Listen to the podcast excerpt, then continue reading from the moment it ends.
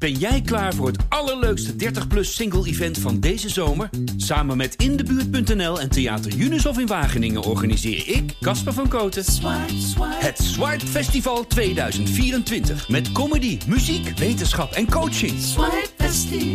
Maar vooral heel veel leuke mensen. Bestel nu je kaart op swipefestival.nl. Swipe, swipe.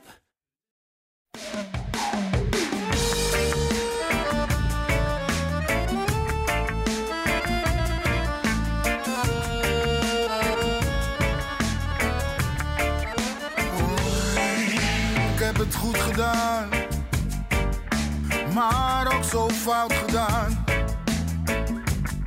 Als ik terugkijk in de tijd, een lach met tranen, zo voel ik me vandaag. Het is de week van de waarheid. Misschien wel de Champions League gaat beginnen. Ajax moet naar Lissabon, naar Sporting. Een wedstrijd die ons eindelijk eens echt iets gaat vertellen over waar Ajax precies staat. Hopelijk welkom bij Brani, de Ajax-podcast van het Parool en Ajax Showtime.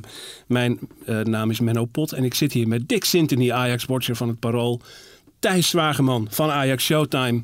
En onze speciale gast van vandaag, Guido Albers, zaakwaarnemer van eh, Players United. Eh, daar gaan, met hem gaan we zeer uitgebreid eh, praten verderop. We hebben ook lezers of luisteraarsvragen voor je, Guido. Heel goed. De mensen hebben via Twitter vragen voor je gepost. En weet je, als warming-up gooi ik er meteen eentje voor je voeten. Hoe is het eigenlijk om de vader te zijn van een Olympisch kampioen? Ja, dat is wel heel geweldig. Dat wil Bas, nummer 12, wil dat weten. nee, dat was natuurlijk prachtig.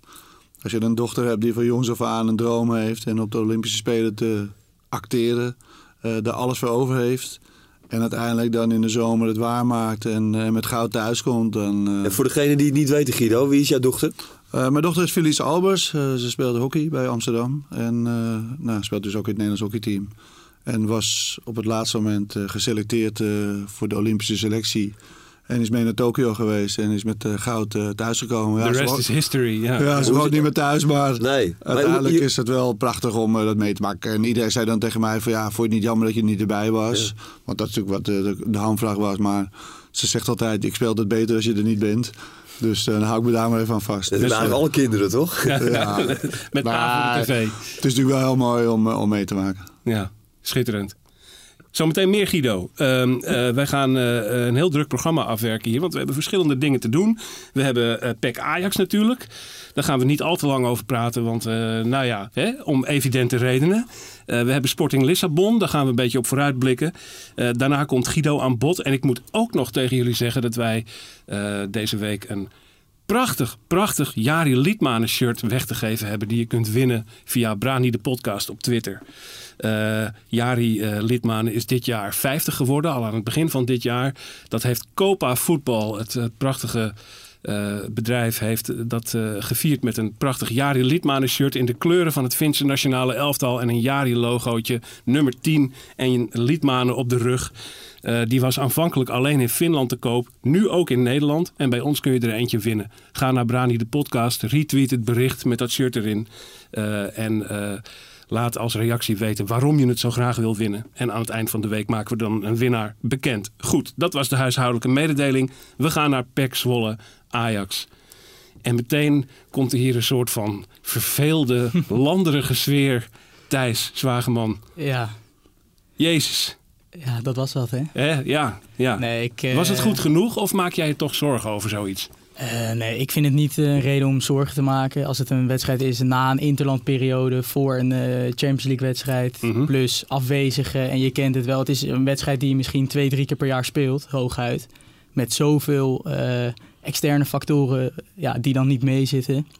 Dat het niet echt een reden is om, eh, om denk ik zorgen om te maken. En uiteindelijk 0-2. Het was absoluut niet goed. Eh, de uitvoering was heel matig. Terwijl Pek Zwolle ook heel matig was. Want die wilde de boel compact dichthouden. Gaven nog steeds zulke ruimtes weg. Ehm, ja, waar Ajax gewoon dan geen goed gebruik van maakt. Ik denk lichtpuntjes, Haller en Berghuis. Wat dan eigenlijk wel weer hoop geeft. Ook richting die eh, Champions League start natuurlijk. Ja. Berghuis ook op zijn nieuwe positie. Nou, zullen we het zo ook wel eventjes over hebben. En verder, ja, denk ik niet te veel aandacht aan besteden. Drie punten en eh, gewoon door naar Sporting. Ja. Wat heel erg opvalt, eh, Dick, eh, is de, de, de relatieve vormdip van Daley Blind. Zelfs Ten Hag ging het nu zeggen dat Ja. het echt beter moet en dat het niet goed gaat. En dat Daley dat ook zelf weet. Ja. Het is natuurlijk een reële ervaren jongen die dat zelf ook goed kan inschatten. Maar hoe, hoe zie jij dat? Nou ja, hetzelfde. Ja, ik bedoel, je zit elke keer te hopen en, en te wachten op een moment dat hij weer eh, die balletjes eh, allemaal precies goed geeft. En steeds de goede keuzes maakt. De keuzes maakt die anderen niet zien in het veld. Dat is zijn kracht. Zijn zwaktes kennen we allemaal. Maar ja, als jouw kracht eh, ook wegvalt, ja, dan eh, blijft er eh, gewoon eh, te weinig over. Dus, eh, maar ik denk dat, eh, dat net als Van Gaal eh, ook Ten Hag hem zal, zal blijven opstellen zo lang mogelijk. Omdat ja, als hij wel in, zijn, in zijn kracht is, is het een, een heel belangrijke speler. Ja, en over die wedstrijd Peck. Je moet doen wat je, je- wat je moet doen, moet je doen. En dat hebben ze gedaan. Dat is winnen. Ehm, in de zin van helemaal niks weggeven. De loopjes maken en de arbeid leveren die, die echt nodig zijn.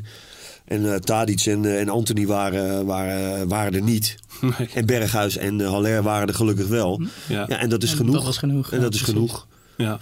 En dat, is, met- dat is anders dan, dan tegen Twente bijvoorbeeld, waar je gewoon ziet dat er heel veel dingen niet kloppen in het veld. En dan moet je je wel zorgen maken. En nu vond ik het, het was slecht, maar ik zag wel de dingen die, eh, die gedaan moesten worden. Ja, gelukkig. Nou ja, twee doelpunten van Haller. Eh, ook een paar momenten dat je dacht... hé, hey, die gast kan echt wel voetballen. Een bal in het 16 meter die van heel hoog ineens uit de lucht komt vallen. Hij neemt hem in- eigenlijk dood op de pantoffel.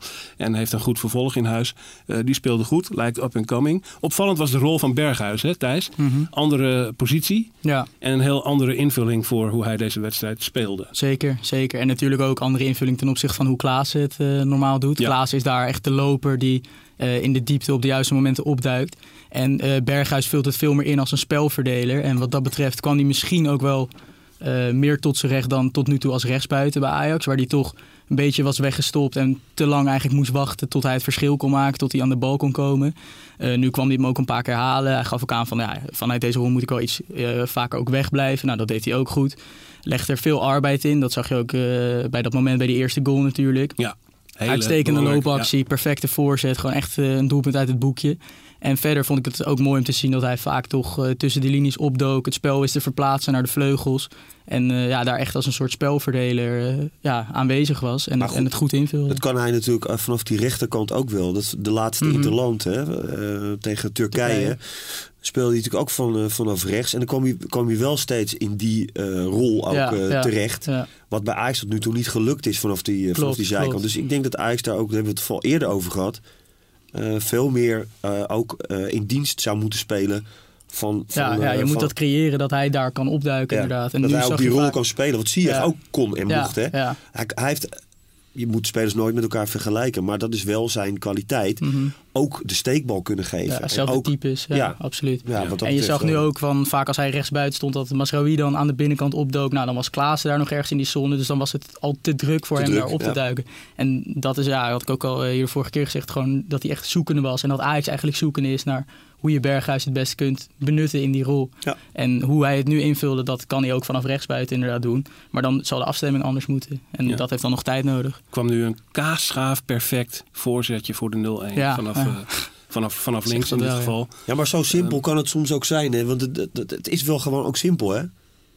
Gewoon de ruimte zien buitenom. En Ja. dan gewoon de eerste paal laag Mhm. intikken. Weet je wel, ja, dat klassieke, klassieke goal. Nou ja, en dit soort momenten lagen er ook vaker tegen PEC. D- Dat die ruimtes er wel lagen. Maar dan was net bijvoorbeeld die paas dan op hoe Tadic hem nu meegaf perfect in de loop. Dan was bij andere momenten was hij net te zacht. En dan ja, is gelijk de hele snelheid uit zo'n aanval. En dit was de enige keer in de wedstrijd dat het wel gewoon perfect liep. En dan is het gelijk raak. Wie Berghuis zegt, zegt Guido Albers. Eh, Berghuis eh, zit daar in, in de portefeuille. Daar zijn veel vragen over gekomen voor jou, Guido.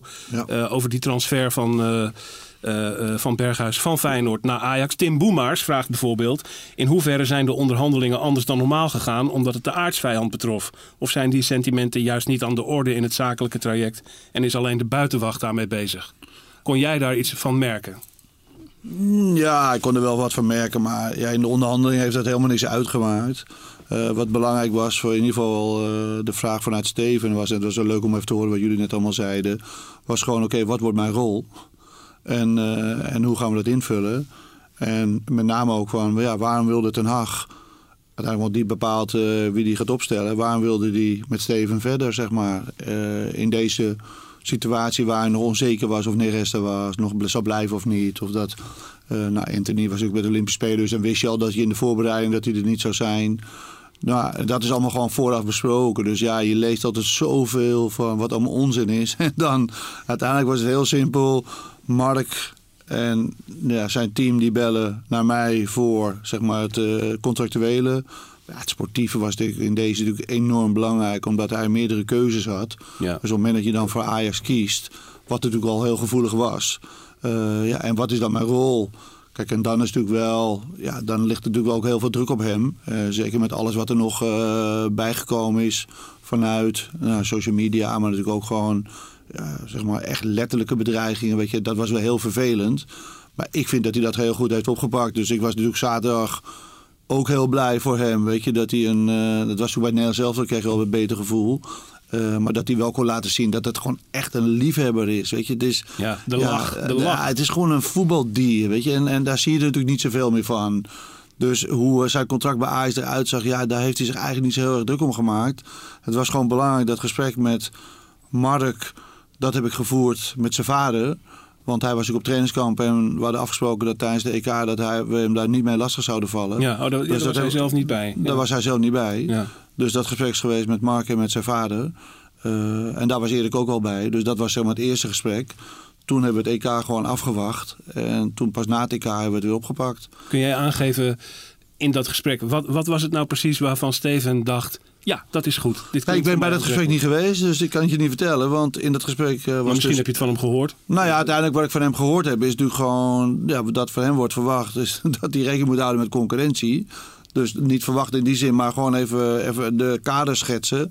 Dus dat er geen rood uh, lopen werd uitgerold. Dus dat hij concurrentie moest aangaan met de concurrent op die positie. Nou, daar liep hij niet voor weg. Dus dat vind ik al, dat was goed tegen. Maar met name ook de rol en, en zijn kwaliteiten benutten. Is dat hij op meerdere posities daar kan, uh, kan fun ja, fun functioneren en kan spelen. Dus of het nou linksbuiten is, als Tadic een keer wordt, uh, eruit uh, wordt gehaald... of dat het nou op de 10 is, zoals er nu afgelopen zaterdag gebeurde... of dat het gewoon de rechtsbuitenpositie is. Ja, ik denk dat het ook te maken heeft met de ruimtes.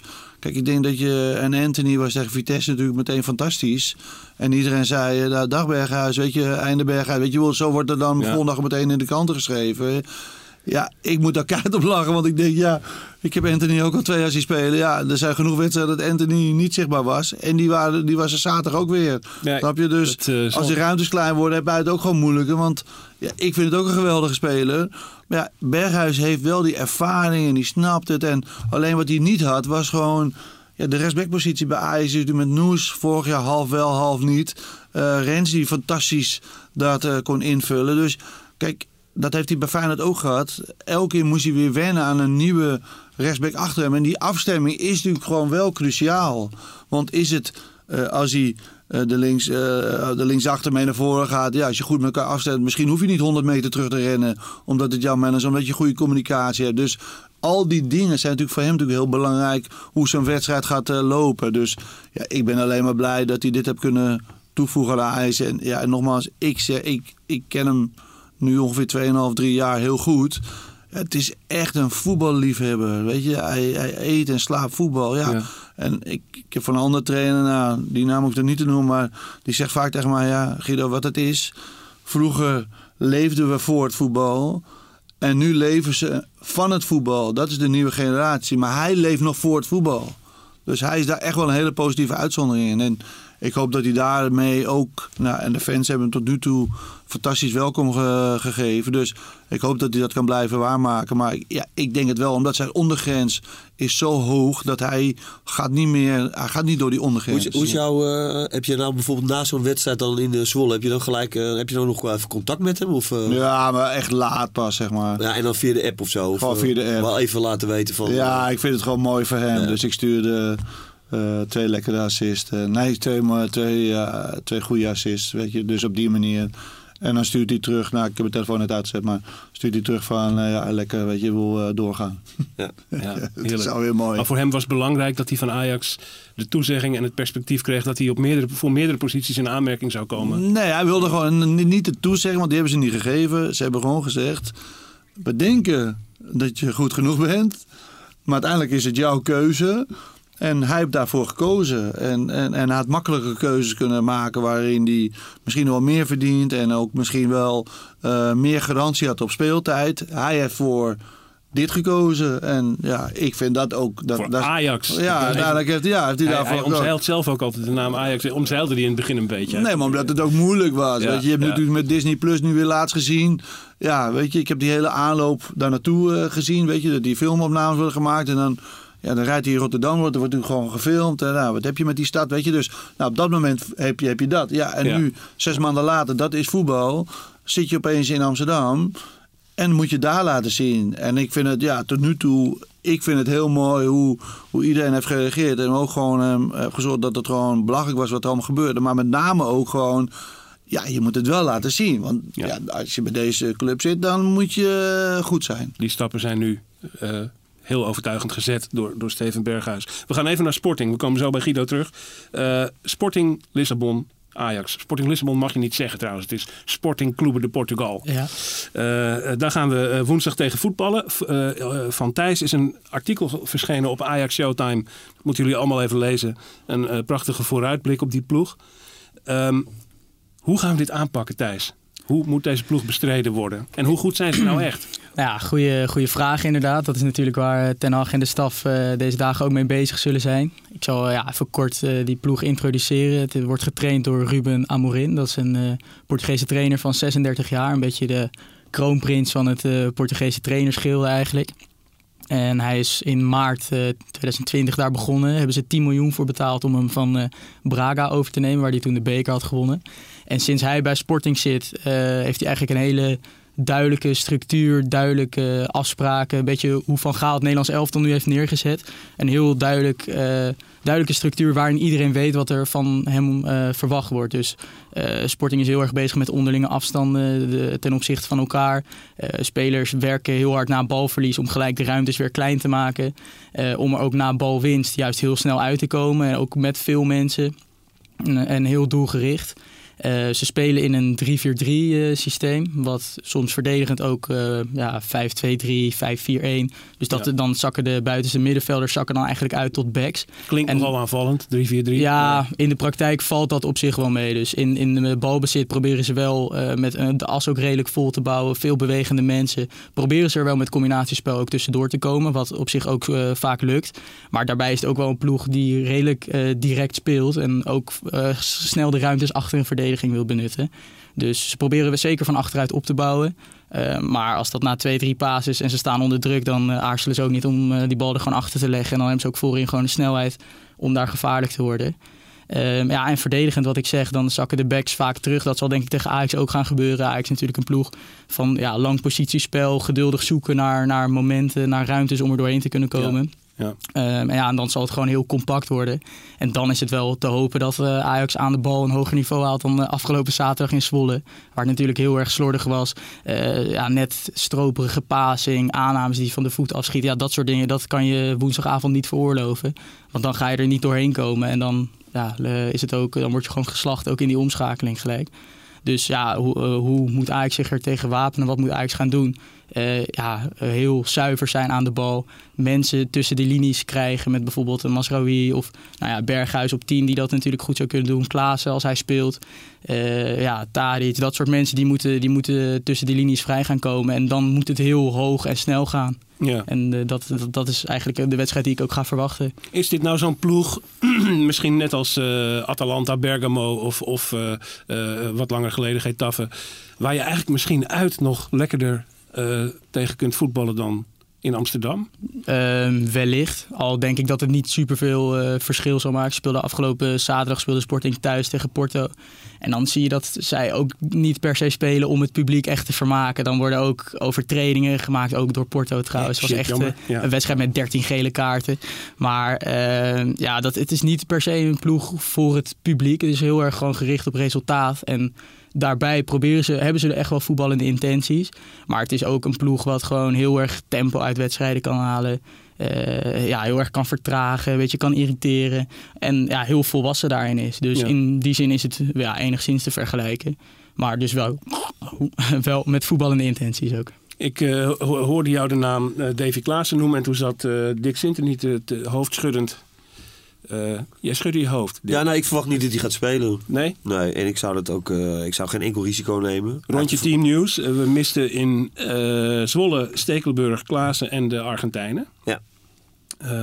nee, maar Davy heeft ook al geschiedenis weet je, met die liesblessure. Dat is. en, en, en je. je als je even naar die pool kijkt waar ze in zitten, dan denk ik dat je ervan uit moet gaan uh, dat je de drie thuiswedstrijden uh, moet winnen om, uh, om kans te maken om één of twee te worden. Ja. Dus die zijn, daar ligt de nadruk op. Ik, ik, zou, ik zou daar echt geen risico mee, mee nemen. En ik, zou, ik zou Berghuis gewoon op 10 zetten. Daar. Ik zou beginnen zoals in Zwolle. Ja. Met Blind dan links achterin. want Martinez is terug, die gewoon weer centraal. En uh, voor de rest alles uh, laten staan. Dus Fico ook uh, op de bank. En ik, ik denk dat ze daar ook... ja, dat verwacht jij, Tagliafico ja, op de bank? Ja, ik denk dat Blind wel, wel links achterin gaat, gaat spelen. Ja. En, en weet je iets over de status van Stekelenburg?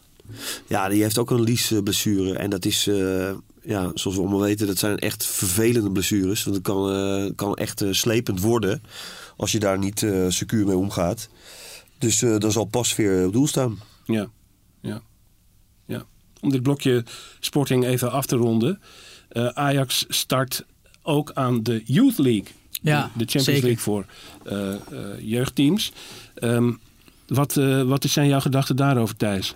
Um, ja, dat wordt heel erg afwachten eigenlijk. De, van, ja, we nemen maandagochtend op. Vanmiddag zal de definitieve selectie bekend worden.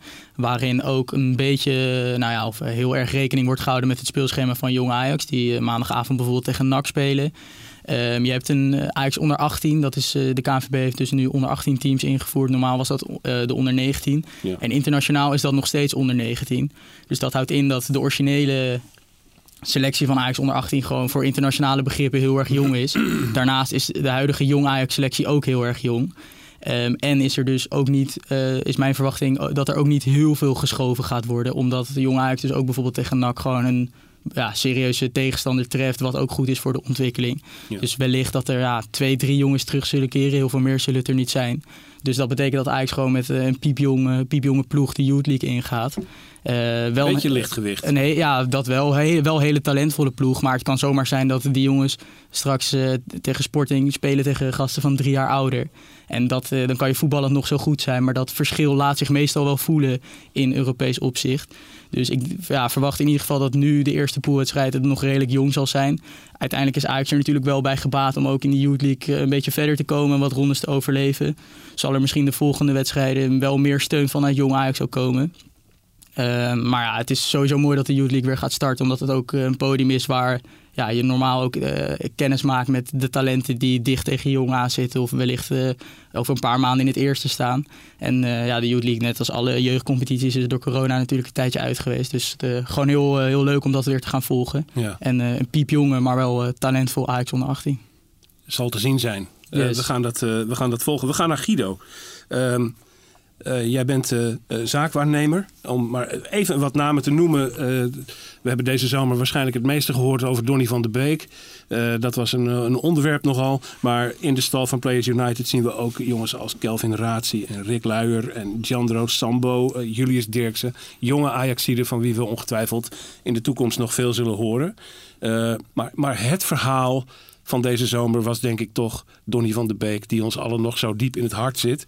Uh, daar waren ook veel vragen over. Nog wel meer dan over het Berghuis, gek genoeg. Um, bijvoorbeeld Ger, Ger643 noemt hij zich op Twitter. Uh, die wil weten hoe hard zijn de onderhandelingen met United. En wie zijn daar in dat geval allemaal bij? Hoe gaat dat proces in zijn werk met betrekking tot voorbereiding, gesprek en contact na de gesprekken? Kun jij dat eens een beetje schetsen? Hoe dat soort contacten met Manchester United lopen? Uh, ja, dat kan ik best doen. Uh, nou, het is eigenlijk heel simpel. Uh, ik denk dat als we dan weer teruggaan naar de situatie Champions League, Ajax succesvol. Vanaf dat moment kwam zeg maar, de stroom van clubs die interesse in Donny hadden, kwam op gang. Um, nou, dat hebben we zeg maar, geïnventariseerd wie dat dan zijn. En nou, sommigen nemen rechtstreeks contact op. Sommigen informeren gewoon eerst bij Ajax zoals het eigenlijk hoort. Dan krijg je dat van Overmars weer door. Nou, uiteindelijk ga je inventariseren. Nou, daar kwam toen, nou, dat is al een paar keer besproken, kwam toen het hele verhaal met Real Madrid kwam eruit. Hij mocht het eerste jaar niet gaan, want uh, Matthijs en Frenkie gingen al. Dus Donny moest nog één jaar blijven. Nou, dat heeft Donny toen gedaan. Er zijn afspraken gemaakt over de zomer daarna. Nou, uiteindelijk is corona gekomen. Ja, toen viel alles in, uh, in duigen. Maar in de tussentijd heb ik natuurlijk wel gewoon contact gehouden met de clubs. Waaronder dus ook uh, Man United. Nou, wat houdt het dan in? Uh, ik ben met André, met zijn vader, zijn we een keer naar Londen gegaan. Klinkt dan heel gek. Maar in Londen zit het kantoor uh, van United. Dus dat zit niet in Manchester. Uh, in Londen zitten eigenlijk alle kantoren van de, alle Premier League clubs. Dus dat betekent dat als je daar bent, dan kan je dat rondje gewoon maken. En met wie zit je dan? Een soort pleintje. Ja, ja maar dat is het wel. en uiteindelijk uh, kom je dan in contact met Man United, met Ed Woodward en met Matthew Judge. Dat zijn de twee mannen die daar uh, over gaan. Die hebben daar hun plan. Die hebben uitgelegd wat ze met Donny, wat de club met Donny zou willen. Uh, lange termijn, zes jaar contract. Nou, uiteindelijk hebben we gewoon alles naast elkaar neergelegd. En ja, waarom werd het zo spannend? Dat eigenlijk in die laatste week waren er uiteindelijk nog vier, vijf clubs over. Maar waar we tegenaan hikten was gewoon de prijs. Kijk, Ajax had gewoon een prijs in zijn hoofd wat ze van Donny wilden hebben. En de markt was natuurlijk door corona. Iedereen was, sommigen waren nog bezig in de competitie of net klaar. En ja, hoe de markt werkt in natuurlijk ook zo. Van, ja, op het moment dat je dat de markt omlaag gaat, ja, dan blijven die clubs ook langer wachten. Dus de prijs wilden zij drukken. En Ajax wilde gewoon een bepaalde prijs hebben. En van de clubs die er waren, was eigenlijk United de enige die meteen het bord op tafel had gelegd. En ja, dat, dat gesprek met, tussen United en, uh, en Overmars, dat duurde twee minuten. Dus dat was makkelijk. En uiteindelijk ging het dan om zelf. Nou, en daar hebben we een aantal gesprekken gevoerd. En daar ben ik ook niet bij geweest. Weet je, want dat is natuurlijk wat, wat dat vaak wordt gezegd. Ja, de zaakwaarnemer duwt hem daarheen. En die zorgt ervoor dat zijn hele carrière naar de klote is. Want hij speelt daar niet. Nee, die gesprekken voert de speler zelf. En neemt ja. zo'n speler dan nog iemand mee? Of, of gaat hij dan alleen daarheen? Nee, hij, deze gesprekken zijn dan in dit geval was het natuurlijk door corona online. Ja. Uh, maar hij heeft een aantal gesprekken met, uh, met de trainer gehad. En daar wordt alles besproken. Ja. En natuurlijk, ik zit niet in beeld. Maar ik weet natuurlijk wel wat daar besproken wordt. En hij heeft zich al goed voorbereid. Hij heeft al die vragen gesteld. Hij wilde weten. Nou, daar wordt een situatie geschetst waarin wordt gezegd: oké, okay, we spelen met twee controlerende middenveld. Dat heeft ervoor gezorgd dat we. Ze hebben in de laatste tien jaar maar drie keer Champions League gehaald. Weet je, iedereen doet net alsof het al jarenlang uh, ja, fantastisch gaat. Dipje. Dat is niet zo. Sinds de komst van Bruno Fernandes is er iets veranderd in die club. Maar dat is echt gebeurd met twee controlerende en met één nummer 10, nou dat was Bruno. Dus ja, wij zijn echt niet zo arrogant om te zeggen, ah, die spelen we even eruit, weet je. Want dat is natuurlijk niet zo, terwijl Donny natuurlijk zijn favoriete positie de 10 is. Maar iedereen die Donny al lang volgt, weet dat hij ook in de jeugd op 6 heeft gestaan. En iedereen weet ook dat hij op 8 zeg maar gewoon nog heel goed die rol kan invullen. Dat het uiteindelijk op 10 in de Champions League zo is ontstaan. Fantastisch. Uh, dat was ook de vibe van het hele elftal. Dat was de samenwerking met Frenkie. Uh, inspeelpaas van Matthijs. Weet je, dus maar, maar heb, je, heb je dan ergens het gevoel dat je ook een beetje in de maling bent genomen dan? Zoals het, zoals het zich ontwikkelt? Of? Nou ja, dat, dat heb je natuurlijk wel. En wat, wat gebeurt er? Dus uh, om het verhaal af te maken. Dus in die gesprekken wordt gezegd... We gaan met een ruit op het middenveld spelen. Dus met één punt achter twee lopende middenvelders en één tien. Nou, die tien was bekend. En die twee anderen waren twee spelers. En Pogba ging misschien weg. Dat was ook wel zo, want die had nog één jaar contract. Uh, nee, die had toen nog zeg maar twee jaar contract. Maar dan krijg je, ze hadden 100 miljoen voor hem betaald. Dus financieel gezien met een twee jaar contract haal je nog het meest eruit. Maar ze hebben niks ge gezegd dat die wegging. Hè? Dus, maar die kans was natuurlijk ook nog. Die andere middenvelders waren allemaal controlerende. Matic, Fred. Dus hij was de, op Pogba na was hij de enige speler waar ook nog een beetje loopvermogen in zat. Los van Bruno. Nou, ze spelen de eerste vijf wedstrijden. Ze verliezen er drie. Ja. Systeem aan de kant. En het seizoen was begonnen. Ja, en dan dit, wordt een, het dit is een belangrijk punt, want uh, er waren veel vragen. Uh, bijvoorbeeld Bob van Valkenhoef, die vroeg waarom de keuze om Donny naar Man United te brengen. Terwijl duidelijk was dat Fernandes en Pogba daar speelden. Uh, dat, dat is een beeld dat bij veel mensen leeft. Dat middenveld zat helemaal dichtgetimmerd. Daar kon Donny nooit een kans maken, als het ware. Maar dat was dus heel, die situatie was echt anders en hoopvoller op dat moment. En waarom? En dat is ook weer gebleken afgelopen seizoen. Want iedereen heeft ze natuurlijk fantastisch gedaan. Want ze hebben ze weer geplaatst voor Champions League. Maar zij hebben denk ik in de, tegen de onderste zes hebben ze zeker 20 punten verloren. Tegen de onderste zes. Ja. Dus, en dat gaf precies het probleem aan waar ze stonden. Met, die, met dat blok van twee heb je de uitwedstrijden tegen die zes onderste hebben ze ook nog wel redelijk gepresteerd. Maar thuis hebben ze verloren van Crystal Palace. Ze hebben verloren van, je kan het nu niet benoemen. Dus alle clubs waar je normaal gesproken van wint, hadden ze niet de creativiteit, maar ook niet zeg maar, een andere type voetbal. En daar wilden ze naartoe. Dus fantastisch geplaatst Champions League. Oké, volgend jaar willen we kampioen worden, maar dan moet het wel anders. Dus moet andere. Dus Europees stond hij wel vaak erop. Europees, uh, nou in de League Cup of de FA Cup. Maar ja, je bent niet naar Man United gekomen in, in die competitie te spelen. Nou, wat er gebeurt, en dan kom ik eigenlijk weer. Jullie zijn net goed over Dave Klaas. Dus hij krijgt in maart of zo zo'n lichte liesbestuurde. Maar hij dacht gewoon van ja, fuck, weet je, als ik nu afhaak, dan is alles weg, weet je. Ja. En jullie onderschatten denk ik misschien ook nog van, het is ook een jongen die natuurlijk ook een echte liefhebber is, maar die voelt zich ook kut dat hij, dat hij natuurlijk leest van hij is mislukt en uh, dit. Ja, dat- dat- dat wil dat, zeggen, dat je doet, dat doet wel Ja. met jongens wat. Dus hij dacht, oké, ik ga niet afhaken. Ik ga ten koste van alles ga ik zorgen dat ik wel slaag. Dus hij trainde goed. Hij speelde met pijnstillers en wat dan ook. En uiteindelijk zou, zou zijn beloning misschien nog zijn gekomen in die wedstrijd in de Europa League. Daar ben ik met zijn ouders nog even heen geweest. Want daar was zeg maar nog een, een, zeg maar de, nou, de afronding van een heel seizoen. En daar had hij wel een, in de, met name in de eerste fase ook best nog wel een bijdrage in gehad. Dus dat was eigenlijk een beetje de hoop dat hij in die wedstrijd nog even zijn ding eh, kon doen. Ja, die ging natuurlijk ook, die wedstrijd speelde natuurlijk ook eh, slecht. Ja, toen kwam hij natuurlijk met dat gevoel, kwam hij bij het Nederlands elftal. Ja, en toen, ja, dat is dan wel hoe het dan gaat. Ja, toen kreeg ik van de bondscoach te horen van, ja, weet je Giet, ik kijk naar hem, maar hij is niet fit. Ja, dat kan niet. Zeg, want hij komt net terug van, hij heeft gewoon vol getraind en hij heeft de Europa League eh, finale, zou die gespeeld kunnen hebben. Ja, toen, hebben we, toen belde hij mij in trainingskamp. Toen hebben we s'nachts nog een MRI gemaakt in het AMC. Maar dat was echt eh, om één uur s'nachts. Ja, toen bleek dat hij gewoon een blessure had waar je gewoon minimaal zes weken eruit was. Dus hij heeft gewoon zichzelf gewoon zo geforceerd. Maar wel vanuit de liefhebberij als voetballer. Dat hij dacht, ja, fuck, weet je, een seizoen eh, al slecht. Dan ook nog een keer, eh, weet je, ik wil op het EK wil ik gewoon staan. Maar het was gewoon een hele verstandige beslissing om dat te doen. Ja. Nou, en vanaf dat moment is het balletje anders gaan rollen. Toen heb ik contact opgenomen met de club. Dus gezegd, hij gaat nu zeven dagen op vakantie. Maar daarna gaan we hier in Nederland gaan we zelf eh, het begeleiden.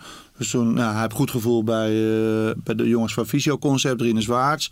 Daar heeft hij, zit hij al eh, lang. Nou, Sjaak Zwart heeft natuurlijk ook al, die komt er ook nog twee keer in de week. Nou, Sjaak en Donnie zet ook ook één, weet je. Dus op die manier met Sjaak ook overlegd en uiteindelijk ervoor gekozen om in Nederland te zijn. En dat medegedeeld aan Man United. En toen kwam er opeens een andere communicatie. Want nu heb ik gewoon rechtstreeks contact met de trainer. Weet je, en daarvoor had ik alleen maar Matthew Judge en eh, Ed Woodward. Dat waren mijn contactpersonen. Kijk, het is nu niet logisch dat een, een, een, een trainer, ja, wat zal hij zo druk maken om die agent? Weet je, hij wil gewoon met die speler communiceren. Maar in dit geval was het heel erg belangrijk, omdat Maar hoe, hoe is dat gevo- gevoel dan eh, nu? Hè? Want dan ga je op naar een, eh, nieuw seizoen. Hè? En hij was eh, volgens mij eh, topfit toen hij eh, eh, eh, weer aansloot bij Men. Hè? Toen hij aan het seizoen Ja, begon. maar dat iets wil ik nog wat toevoegen, dat is ook goed. Maar kijk, zij waren al drie weken bezig, Mhm. hadden al oefenwedstrijden gespeeld, totdat Donny kwam. Dus hij kwam, waren ze al in de voorbereiding begonnen. Toen was alleen Pogba was nog niet terug. Maar Bruno was met Portugal vroeg eruit, wat dan ook. Dus drie weken voor de eerste competitiewedstrijd, toen was hij er pas bij het team. Ja, en als je dan de pech hebt dat je nu wel fit bent, dat je wel alle credits krijgt, maar dat een Matis in de voorbereiding goed was en dat Pogba in de voorbereiding goed was, Halen ze ook nog even Ronaldo. Tja. ja. maar dat was wel een kantelpunt. Want toen Ronaldo kwam, toen hebben we ook wel met Donny contact gehad. En toen hebben we tegen elkaar gezegd van, hé, wacht even. Ronaldo spelen, want Pogba stond aan de linkerkant. Dus Ja. iedereen goed gekeken. Dus, aan de linker. dus ik zeg, Ronaldo gaat daar spelen of hij gaat in de spits spelen waar Cavani speelt. Dus er komt een speler, ergens gaat het, gaat het mis, gaat het schuiven. Dus Pogba zal wel terugkomen naar het middenveld. Nou, dat gebeurde uiteindelijk natuurlijk ook. En toen hebben we contact gezocht. En dat is dan wel fijn dat dat gewoon rechtstreeks is Met de trein. met de trainer in Ja. plaats van met de boord. Want dan weet je toch niet wat ermee gebeurt. En dat zijn- waren gewoon prima gesprekken. En Over Ah. verhuur. nou ja, dat ging er zo van, ja, weet je, het prima nu, weet je, laten we nu gewoon lekker voetballen. Weet je de jongen heeft nu Nederland zelf aan de kloten. Eh zijn hele gevoel van, ja, waarom voetbal leuk is, naar de kloten. Dus ja, er moet nu, het was al zo pijnlijk, nu moet er gewoon iets veranderen. Nou, daar zijn gesprekken uitgekomen die dan anders waren dan daarvoor. Nou, natuurlijk, uiteindelijk niemand doet concrete, harde toezeggingen. Maar je voelde wel dat daar wel iets anders gebeurde. Nou, ik zeg niet dat daarom dat hij afgelopen zaterdag heeft gespeeld. Maar het heeft zeker meegeholpen. eh, de komende internationale wedstrijden. Dus ik denk persoonlijk dat hij daar sowieso weer wat omdat de manier van voetballen daardoor ook wat anders is. Dat hij daar speeltijd Dat gaat hij daar wat meer speeltijd gaat krijgen. Ja. Maar uiteindelijk speelt hij in een team om in de Premier League te spelen. Hij krijgt best wel eh, veel, eh, veel steun ook uit, eh, uit de hoek van oud-spelers en zo. Hè, van Ja, de- Manchester. die, Omdat ze, kijk, die vinden dat de manier van voetballen, vinden ze ook gewoon United onwaardig. Kijk, het is zo fantastisch dat je al je uitwedstrijden al anderhalf jaar hebt gewonnen. Maar dat stadion, daar zitten 85.000 mensen. Ja, die willen, Wat en dat- die willen wat zien. En die willen goals zien. Nou, dat was natuurlijk ook de pech van Donny. Dat die eerste wedstrijd tegen was Wolves. Ja, Wolves volgens mij. Waren zo fantastisch. Maakten ze vijf goals. eh, Weet je wat dan ook. Ja, dan is voor een trainer natuurlijk ook lastig. Maar dat communiceert hij nu veel beter en veel duidelijker. Dus het is allemaal wat helderder. De komende vier maanden zal blijken van wat het waard is. Is dat het niet waard, dan kan hij gewoon, zeg maar, hij, we gaan niet nog zijn seizoen meemaken. Nee. Dus die gesprekken Zou zijn in het begin. Zou eventueel een vertrek van Donny in de winter al een optie kunnen zijn? Nou ja, als hij niet gaat spelen, is dat zeker een optie. Ja. Maar dat is ook logisch. En dan ook verhuur of eh Ja, kijk of ik, dat- denk dat, kijk, ik denk dat corona de club zo kapot heeft gemaakt. dat het nog even duurt voordat ze daarvan bijkomen. Mhm. Plus je ziet overal, die clubs hebben allemaal volle selecties. omdat je bijna van niemand afkomt.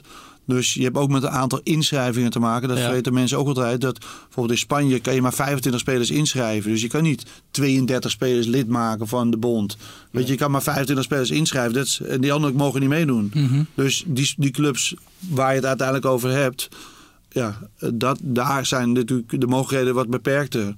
Maar dat zal de komende tijd uit. Ik hoop niet dat het nodig is. En ik denk persoonlijk ook niet dat het nodig is, omdat ja, ook weer eh, in de club, de fans eh, en de club, weet je wel, hij is wel altijd wel gewoon.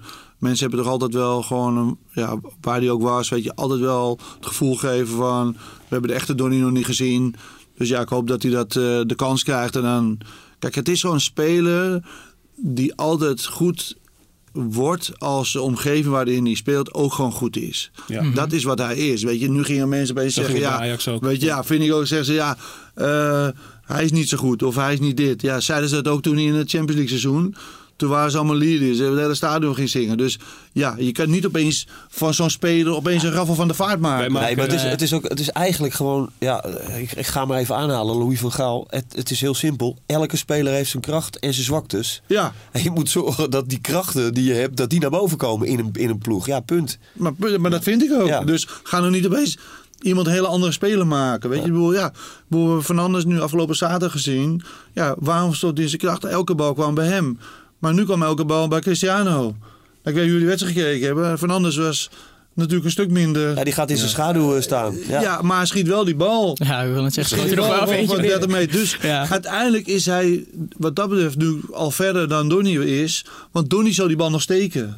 Snap je Ja. wat ik bedoel? Ja. We gaan En- even versnellen, want we Ja. moeten naar richting, richting het einde. Ik wil over twee mensen nog even heel, heel kernachtig jouw mening vragen. De eerste is onze oude vriend Frank de Boer. Ja. Wat gaat er met zijn carrière gebeuren?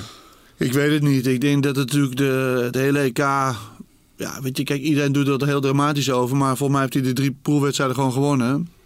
En, Bosnië speelt ook gewoon 1-1 tegen Frankrijk. We doen net of dat allemaal eh, ballen het dak eh, achter tegenstanders waren. Dus ergens heeft het systeem, of we nou wel of niet mee eens zijn, heeft wel nog gewerkt. Als je de statistieken kijkt, die zijn niet veel slechter dan de vorige bondscoaches. Dus alleen de vibe tegen hem was natuurlijk al slecht. En waar, waar, waar we weer over straks sterkte zwakte. Frank is sterk op het veld. Ik denk gewoon op dat trainersveld. Ik denk dat Ja. hij iets teweeg brengt bij spelers van lekker, weet je. Ik heb genoeg spelers van Nederland zelf gesproken.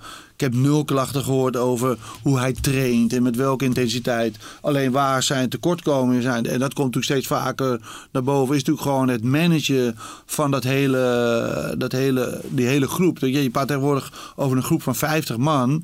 Waar je controle over moet hebben. En Frank gaat, als wij nu bij, met z'n vier bij elkaar zitten. En hij zal tegen jou zeggen: Dit is jouw taak. is hij gewoon iemand, oké, als dat aan mij wordt opgedragen, voer ik die taak tot in de perfectie uit. En je hoeft me niet te controleren, want ik doe het. Ja. Maar in Denk, jij, denk jij dat de toekomst van Frank zal liggen in veldtrainer? Dat zijn? denk ik wel. En niet meer manager zijn? Nee, want dat is iets wat hij zelf dan ook niet ambieert. Maar is er, is er dan bijvoorbeeld, eh, even een, een, eh, kleine vraag. Is er dan na het EK al, al eh, zijn er al clubs die, die dan hebben geïnformeerd bij jou naar hem? Of, of Ja. merk je nu echt dat het, dat het stil aan het vallen is? Nee, dat valt niet stil. Want zijn naam is gewoon groot genoeg om weer gewoon straks aan de, aan de gang te gaan. Alleen de vraag is in welke rol wil je dat doen? Kijk, ik zeg gekscherend. eh Frank zou bij spreken, en ik zeg niet dat het gaat doen. Maar als je bijvoorbeeld over in, in het verleden dat je Dirk de Groot. Dat was zeg maar de, die zorgde voor de talentenfabriek richting AX1. En, maar die heeft tien jaar onder 19 gedaan. En tien jaar lang leefde ze niet alleen maar voetballend goed af, maar ook mentaal leefde ze af. Weet je, want die vroeg iets waar de jongens nog niet aan toe waren. Maar ik weet niet of dat nog bij deze generatie past. Dus dat je een, een trainer à Frank de Boer die weet wat gevraagd wordt aan de top. En die ervoor zorgt dat die talenten ook klaar zijn. Zou Even, poor ik zijn wil, voor ik wil even afronden met een allerlaatste talent. En daar wil ik een heel kort antwoord op. Kenneth Taylor zit ook in jouw portefeuille. Ja. Die wacht al een hele tijd op een min of meer serieuze kans bij Ajax. Wordt als een groot talent gezien binnen de club. Maar hij staat er nog niet. Eh, hoe lang gaat hij nog wachten? Ja, uiteindelijk heeft hij gewoon een contract. Dus hij moet nog eh, contractueel zitten nog drie jaar aan Ajax vast. Maar het is wel. Zegt wel hij al, Guido, haal me hier weg? Nou, ook hij vindt voetbal weer gelukkig eh, te leuk. Maar uiteindelijk, ja, hij wil wel gaan spelen, weet je. En, en dan was dat voor mij persoonlijk, zeg maar, als je keek naar afgelopen zaterdag, weet je, dan denk ik, en ik, ik ben niet de coach hè, en ik moet er ook helemaal niet mee bemoeien, maar... Ik Maar je doet het ik, toch? Ik doe dat toch omdat je dan toch denkt, oké, als je tegen Zwolle al geen minuten kan maken, zeg maar, wanneer ga je dan wel de kans krijgen? En soms vraagt de wedstrijd iets anders, dus ik moet me daar ook in leven, maar ik, ben daar wel, ik ben denk ik wel zo'n jongen die nu voor het derde jaar in de, in, in de selectie zit, die moet ergens een kans krijgen. Krijgt hij die niet, ja, dan, dan, ja, dan zijn de afspraken moeten dan ja, weer, weer bekeken worden. En tot die tijd zal hij wel in jong Ajax, zolang die speelt, zal hij wel moeten zorgen dat je daar 90 minuten alles laat zien. Ja. Maar dan moet je wel bij bedenken dat, en ik denk dat Thijs het net goed zei over de, de onder 18. Kijk, ook jong Ajax is natuurlijk een heel ander team geworden. Dus waar je in het verleden zeg maar, aan de hand werd genomen van een, een Kikperi of een, eh, noem maar wat ervaring, Eiting, Eiting, ja. daar wordt een jonge jongen, als Kenneth meedoet is hij de oudste. Ja, we moeten eruit. We gaan eh, eh, afronden. Ik ga jou danken voor je komst, Guido. En heel erg bedankt voor je inkijk in deze, eh, in deze wereld. Dick Sintony, dankjewel. Thijs Zwageman, dankjewel voor je komst. Jullie moeten allemaal even naar Brani de podcast op Twitter... om dat Jari Litmanen shirt van Copa Voetbal te winnen. Daar gaan jullie natuurlijk allemaal naar meedingen. Eh, ik bedank voor het luisteren en eh, zeg tot volgende week... bij een nieuwe aflevering van Brani. We worden dagelijks overladen met overbodige informatie. En het is moeilijk de zin van de onzin te scheiden. Daarom vertrouw ik op echte journalisten in plaats van meningen. Een krantenmens heeft het gemakkelijk. Word ook een krantenmens en lees je favoriete krant nu tot wel zes weken gratis. Ga snel naar krant.nl. Bezorging stopt automatisch en op deze actie zijn actievoorwaarden van toepassing. Ben jij klaar voor het allerleukste 30-plus single-event van deze zomer? Samen met Indebuurt.nl en Theater Junushof in Wageningen organiseer ik, Casper van Koten, het Swipe Festival 2024. Met comedy, muziek, wetenschap en coaching. Maar vooral heel veel leuke mensen. Bestel nu je kaart op swipefestival.nl. Swipe, swipe.